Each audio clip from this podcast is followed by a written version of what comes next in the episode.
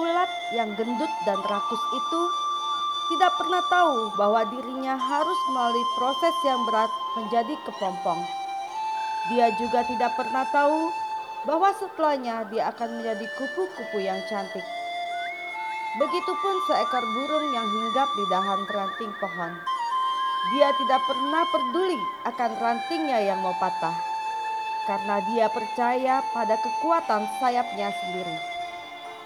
Sama halnya dengan kesuksesan, kita tidak akan pernah tahu jika kita tidak pernah mencoba. Kesuksesan bukan berarti bicara tentang uang yang banyak, mobil yang mewah, dan rumah yang megah. Kesuksesan adalah bagaimana kamu menjadi versi terbaik dari dirimu sendiri.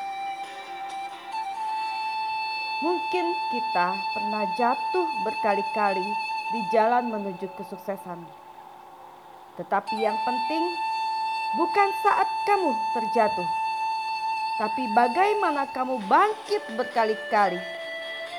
Karena ketika kamu bangkit, kamu akan lebih kuat dari sebelumnya.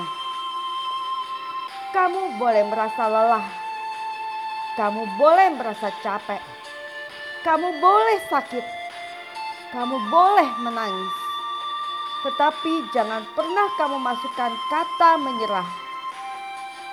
Ketika kamu memilih berhenti dan menyerah, kamu tidak akan pernah tahu betapa hebatnya dirimu.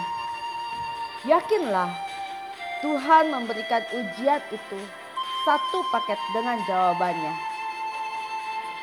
Kamu jangan pernah meragukan dirimu, karena Tuhan tidak pernah meragukanmu. Saya Ria Dewi, Gold Agency Indonesia. Terima kasih.